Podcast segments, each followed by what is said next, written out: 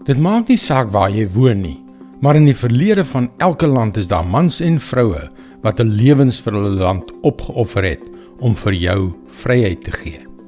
Dit is werklik 'n ontnugterende gedagte. Hallo, ek is Jockey Gouchee vir Bernie Diamond en welkom weer by Vars.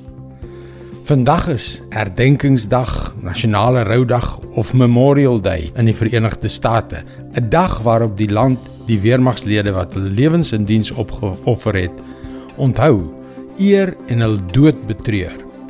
'n Gedenkteken, 'n standbeeld of 'n struktuur word gewoonlik gebruik om ons aan 'n belangrike gebeurtenis te herinner. Dit hoef nie net 'n fisiese simbool te wees nie. Die meeste van die tyd leef die herinneringe aan die gestorwenes in mense se harte, aangesien hulle die prys onthou wat daarvoor betaal is.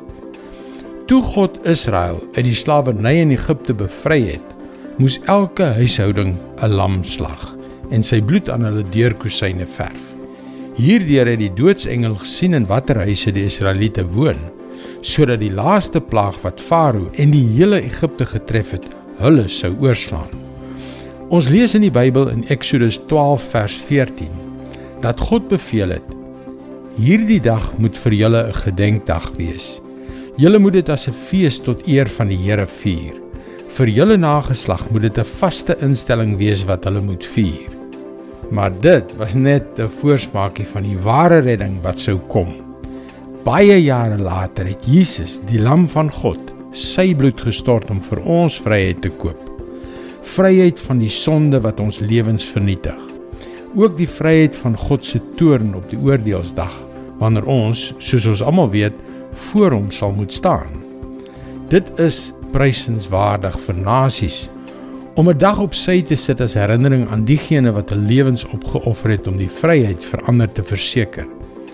Maar ons weet, die grootste offer van almal was die dood van Jesus aan die kruis, 'n ware gedenkdag.